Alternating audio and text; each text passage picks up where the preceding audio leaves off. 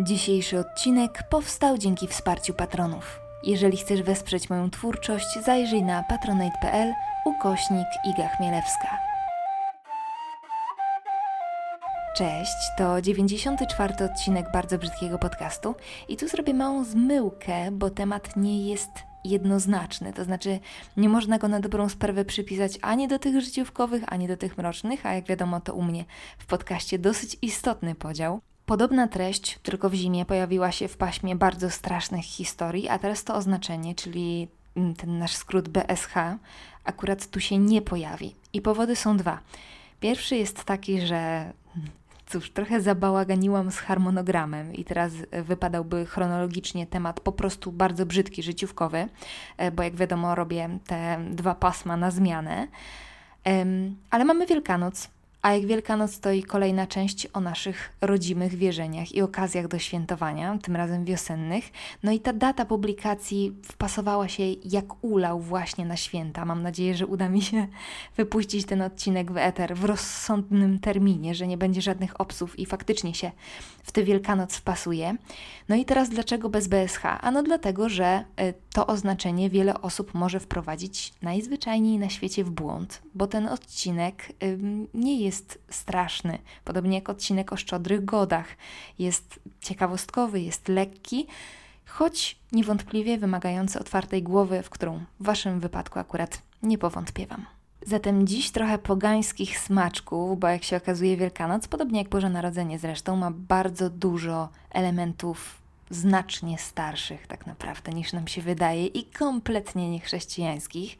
Tak jak już opowiadałam w zimowym odcinku o szczodrych godach z tymi naszymi chrześcijańskimi, często ludowymi tradycjami, jest trochę tak, że mm, są właśnie takimi namacalnymi śladami po naszych rodzimych, rdzennych wierzeniach. Dla tych, którzy do teraz omijali odcinki bardzo straszne szerokim łukiem, wiem, że są takie osoby, śpieszę donieść, że określenia rodzima wiara używam dla nazwania wierzeń przedchrześcijańskich, które istniały na naszych ziemiach. Po prostu takim drobnym e, zabiegiem językowym próbuję jakoś troszeczkę odczarować to przerażające dzikie pogaństwo. Bo to właśnie ono, czy tego chcemy, czy nie, jakkolwiek je sobie interpretujemy i sobie wyobrażamy, jest naszym prawdziwym, choć niestety kompletnie zapomnianym dziedzictwem. Wracając, wiele tradycji pozostało, bo chrystianizacja postępowała jednak na naszych ziemiach stopniowo. To nie było tak, że przyszedł chrzest polski, je wszyscy chodzimy do kościoła w niedzielę. Ludy zwłaszcza te na wsiach, jeszcze przez dłuższą chwilę tak naprawdę pielęgnowały różne zwyczaje, różne tradycje, przekazywały sobie je z pokolenia na pokolenie, a chrześcijaństwo zresztą, Kościół bardzo się sprytnie w tej materii poruszał, dlatego że nie niszczył tych tradycji, ale podmieniał im znaczenia, tak żeby e, te nowe nauki wtapiały się w te stare stopniowo, powoli, ale skutecznie. W takim dużym uproszczeniu e, po prostu wielbienie natury, wielbienie bóstw z naturą związanych, bo kalendarz liturgiczny naszych pradziadów i prababek opierał się na kalendarzu solarnym, czyli to słońce wyznaczało te najważniejsze daty. Ten kalendarz został wyparty przez wydarzenia z życia Jezusa, które również były osadzone w tych samych miejscach, co te pierwotne święta. No i ta podmianka wyszła całkiem zgrabnie na pierwszy rzut oka, ale wiele znaczeń i symboli przy takiej oczywiście głębszej analizie pozostało. Zresztą wiecie, mówimy często o ludziach mieszkających na wsiach, bo tam te dawne zwyczaje pozostały najdłużej, niektóre do dziś. I oczywiście nauki Kościoła były bardzo poważane, ludzie na wsiach słynęli ze swojej religijności, ale to prozaiczne życie wciąż opierało się na słońcu. E, I może już nie oddawano czci słońcu, ale jednak dbano o przychylność natury, no bo to ona dawała plony, tak? A plony dawały e, życie rodzinie, którą trzeba było utrzymać. Jeszcze dodam tytułem takiego mm, opóźnionego wstępu, bo teraz mi to wpadło do głowy, że ja absolutnie nie mam na celu obrażać osoby wyznania katolickiego. Szanuję wszystkich dokładnie tak samo, um, ale mówię to dlatego, że w moich wypowiedziach może pojawić się delikatna uszczypliwość. Um, i nie będzie ona wynikała z jakiejś pogardy względem katolików, tylko względem strat, jakie poniosła nasza rodzima kultura po wtargnięciu obcej wiary. That's all, żeby, żeby była jasność. Nikogo, absolutnie nikogo nie chcę obrażać. Ten odcinek ma tylko i wyłącznie charakter ciekawostkowy. O czym mówiłam? A, yy, tak, więc tradycje te takie ludowe, kolorowo-pisankowe, często związane z naturą, mają znacznie starszy rodowód niż chrześcijaństwo. A i sama Wielkanoc, bo o niej dzisiaj będzie mowa, jest reinterpretacją wydarzeń i wierzeń znacznie dawniejszych niż te sprzed 2000 lat z ogonkiem. Wielkanoc wypada na wiosnę, jest świętem ruchomym yy, i dzieje się tak dlatego, żeby nie przecinała się z żydowskim świętem Paschy, który też jest ruchome notabene, w tym roku wypada 27 marca. Pamiętamy, tak? Powtórka ze szkoły. Pascha to jest święto na cześć wyprowadzenia Izraelitów z Egiptu. Zatem... Yy, to wszystko jest ruchome, więc trudno odwołać się do konkretnej daty, jak w przypadku Bożego Narodzenia. Ale sama wiosna, te pierwsze jej miesiące, od wieków, od zarania dziejów, były niezwykle ważnym czasem dla osób, w przypadku których ta natura decydowała właściwie o ich życiu lub śmierci. I wiosna, a w szczególności czas, który otwiera równonoc wiosenna, tutaj mamy wyraźne miejsce w kalendarzu, to jest okres odrodzenia, tak? Zwycięstwa nad zimą. Jeszcze w przedszkolu przecież, czy w podstawówce pamiętamy tradycję topienia marzanny, prawda?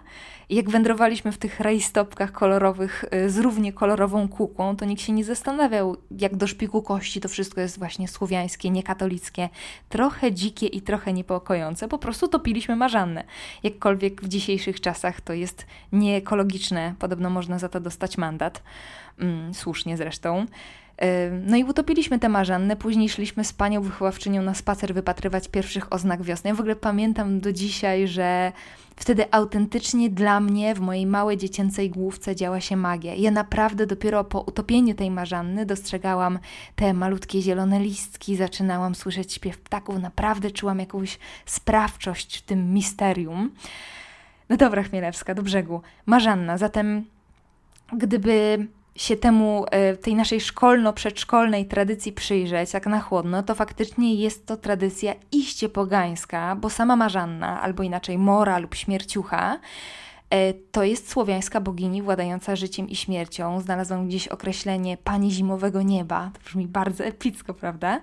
Oni w ogóle mogłabym nagrać oddzielny odcinek, e, bo to jest postać niesamowicie intrygująca i wielowymiarowa, ale na potrzeby tego odcinka uznajmy, że była powiązana z zimnymi miesiącami, tak? Z miesiącami symbolicznej śmierci natury. I od pożegnania Marzanny, czyli równonocy wiosennej, kiedy dzień staje się już dłuższy, rozpoczynają się jare gody, czyli święto wiosny. Teraz szczypta językoznawstwa, bo Jar to w starosłowiańskim krzepkość, a god rok. Ale sama nazwa Jaregody wywodzi się również od Jaryły albo Jarowita albo Jaruna, czyli boga wiosny, boga odrodzenia, nowego początku, który był wyobrażany jako piękny, bosy młodzieniec o bujnej czuprynie, z wiankiem na głowie, w jasnych szatach, na białym koniu, e, który w jednej ręce trzymał kłos żyta, a w drugiej głowę starca. I być może ta głowa starca brzmi trochę upiornie, ale tak naprawdę ona również należała do Jaryły, do tego starego Jaryły, któremu nasi przodkowie wyprawiali pogrzeb pod koniec lata. To był taki symbol zamkniętego cyklu, tego płodnego okresu w roku. Oloś, to jest tyle wątków zupełnie z Wielkanocą niezwiązanych, o których bym Wam poopowiadała. No bo na przykład Później Jaryłę zastąpił święty Jerzy, który notabene też często przedstawiany jest na białym rumaku. To jest ten koleś walczący ze smokiem, na pewno pamiętacie to e, przedstawienie. Zatem e, od tego momentu, od momentu przyjścia Jaryły rozpoczyna się czas radosny, jarę gody, zwycięstwo światła nad ciemnością, zmartwychwstanie natury. Brzmi znajomo? No cóż, no tak samo znajomo będą wobec tego brzmiały wszystkie tradycje i symbole, które znamy od małego jako te wielkanocne, związane z największym świętem Kościoła katolickiego. Zacznijmy jakoś tak może chronologicznie, czyli od niedzieli palmowej, bo to jest właśnie taki trochę przedsmaczek Wielkiej Nocy, nie? Już kolorowo, już radośnie, już cieplej.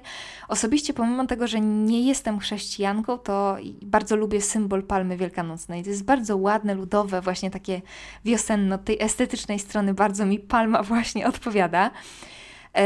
Chrześcijaństwo uznaje, że Niedziela Palmowa jest pamiątką wjazdu Jezusa Chrystusa do Jerozolimy. Pamiętamy, prawda?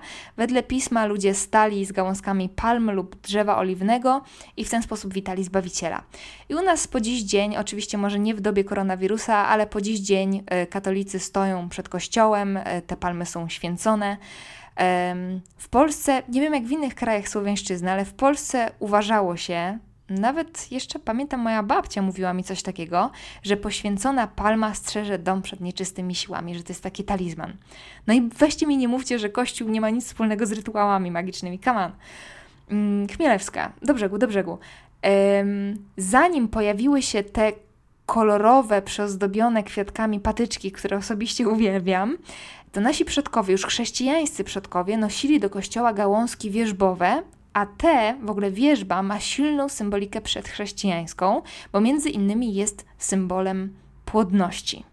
I pamiętam, jak jeździłam do mojej rodziny do Bratysławy w dzieciństwie, i zawsze dziwił mnie tamtejszy wielkanocny zwyczaj.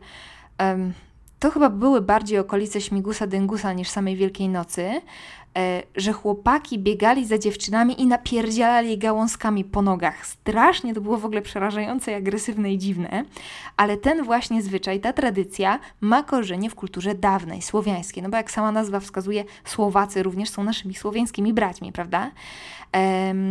I jak zaczęłam się wczytywać, to się okazało, że czasie, który pokrywa się z niedzielą palmową, e, notabene zwaną również wierzbową albo wierzbną, dziewczyny ganiały z gałązkami za chłopcami, a w obecne święto Śmigusa Dyngusa, czyli w poniedziałek wielkanocny, chłopaki za dziewczynami. I ta tradycja, wedle wiele, wielu materiałów, przetrwała jeszcze z czasów tak zwanych pogańskich.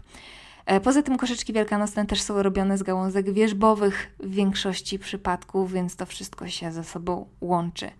Wierzba w ogóle jest drzewem magicznym, niezwykle ważnym w kulturze ludowej i takim w zasadzie niejednoznacznym, bo jest, tak jak już wspominałam, symbolem płodności i szczęścia. W końcu bazie mocno się z Wielkanocą kojarzą, prawda?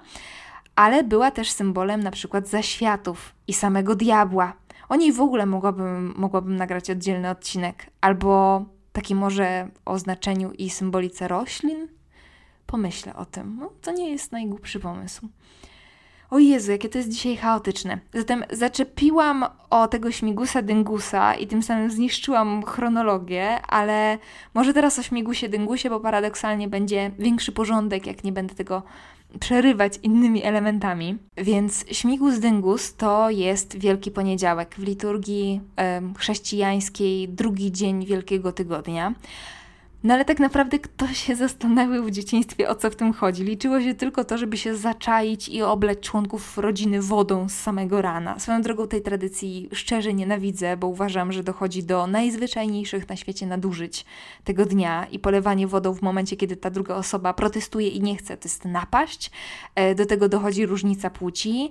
E, na przykład w moim rodzinnym mieście można było po prostu zarwać wiadrem wodę od nieznajomego idąc ulicą i zawsze spacery tego dnia mnie stresowały i przerażały. Możecie mówić, że jestem przewrażliwiona, I don't care. Niemniej ta tradycja również jest powiązana z rytuałami przedchrześcijańskimi. Wedle niektórych źródeł nawet nazwa pozostała niezmienna, bo ten dzień zwany był śmigusem, a woda, w pewnym sensie obmywanie wodą, miało przynieść płodność i dobre zdrowie. Um, oczyszczało w sposób symboliczny oblanego przed wejściem w nowy cykl no i później przyszło chrześcijaństwo, połączyło to z wodą święconą, e, ale zauważcie, że do dziś utrzymuje się zwyczaj, że to chłopcy oblewają dziewczyny. I kiedyś na wsiach bycie nieoblaną było cholernie złą wróżbą, bo groziło staropanieństwem lub bezpłodnością, więc każda panna dbała o to, żeby gdzieś się napatoczyć na chłopaka z wiadrem wody.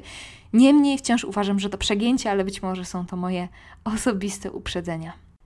No dobrze, to może przejdźmy teraz do tych stricte wielkanocnych atrybutów, które wcale chrześcijańskie nie są. Zacznijmy od pisanek. To jest w ogóle bardzo stara tradycja, nie tylko nasza, bo malowanie jajek spotykano w Mezopotamii, Egipcie i kilku innych miejscach na świecie, których sobie nie wypisałam. Um, ale to jest tradycja, która znana była właściwie na całej rozciągłości planety Ziemi. Wróćmy do Słowian. Nasze prapraprawabki, praprapradziadowie, wiadomo, że tych pra byłoby więcej, obdarowywali się kraszankami, czyli jajkami zdobionymi metodą zeskorbowania barwnika, a nie nakładania go. Wiemy, czym są kraszanki. I ta tradycja była kultywowana podczas jarych godów, żeby w ten sposób życzyć sobie właśnie płodności, szczęścia, pomyślności w nowym okresie wegetacji. Zatem w zasadzie to nic się nie zmieniło, bo my przecież też przed wielkanocnym śniadaniem dzielimy się jajkiem z życzeniami zdrowia, szczęścia, pomyślności, prawda? Jajko jest niezwykle ważnym symbolem, symbolem początku wszechświata, odrodzenia, w ogóle nowego początku, zmartwychwstania, stąd te silne konotacje właśnie z Wielkanocą oraz symbolem solarnym. Warto o tym pamiętać. E, I dlatego właśnie w czasach dawnych przez naszych przodków jajka były zdobione swastykami. I nie ma się co przerażać i oburzać, bo swastyka totalnie oczywiście zniszczona przez tego nieśmiesznego pana ze śmiesznym wąsem jest bardzo, bardzo, bardzo starym symbolem, właśnie solarnym. No i nasza słowiańska swarożyca, której swoją drogą reputacja też jest mocno nadszarpnięta, również należy do swastyk. A jak wiadomo, gdyby szukać takiego przedwiecznego Boga, takiego, któremu gatunek ludzki niemal na całym świecie od zarania dziejów oddaje cześć, to jest nim właśnie Słońce, którego symbolem jest swastyka. Więc to malowanie jajek to nie jest do końca symbol zmartwychwstania Jezusa, Albo przynajmniej nie tylko, bo wiecie, tak naprawdę to wszystko się rozbija po prostu o symbol nowego początku, czy tu, czy tam. Puchaty kurczaczek za to, którego my uznajemy za taki słodki element świąteczny, był u Słowian przedchrześcijańskich symbolem, uwaga, zaświatów, ponieważ wierzono, że dusza wraca na ziemię w ciele ptaka, zatem ponowne odrodzenie, zatem znowu dostrzegamy elementy zbieżne, choć musicie przyznać, że ten pogański kurczaczek jest nieco bardziej mroczny. Królik czy zając już nie ma takiego jasnego i do końca naszego rodowodu, ale znowu z pewnością nie jest symbolem chrześcijańskim. W wierzeniach nordyckich, celtyckich, anglosaskich, śródziemnomorskich zając czy królik często były jednym z wcieleń bóstw powiązanych z płodnością. Skąd takie konotacje? No stąd, że królik wydaje dużo potomstwa w szybkim tempie, cała filozofia, więc znowu królik jest symbolem płodności, nowego początku, nowych narodzin itd., tak itd. Tak no i wreszcie koszyczek wielkanocny, co prawda nie nasz, bo wywodzący się z kultury romańskiej, ale posiadający ten symboliczny wymiar, wręcz rytualny, ofiarny. Wkładamy pożywienie, zanosimy je na ołtarz. Siadanie do wspólnego stołu też jest tradycją uskutecznianą przez naszych przodków. Można więc uznać, że wciąż płynie w naszych żyłach słowiańska krew i nic w narodzie nie ginie. Tyle podobieństw, które udało mi się wyszperać. Pewnie jest ich więcej, ale należałoby się bardziej wgryźć w literaturę źródłową. Nasi przodkowie po prostu w tych dniach spotykali się mm, na wzgórzu, przygrywali na instrumentach, robili straszny hałas, żeby wygonić zimę. Zimną, słomianą marzannę pochłaniał ogień, a wszyscy życzyli sobie zdrowia, dobrych plonów i wszelkiej płodności. Więc ja życzę Wam jarych godów, a przy okazji smacznego jajka z rzeżuchą. Do usłyszenia, całujemy, cześć!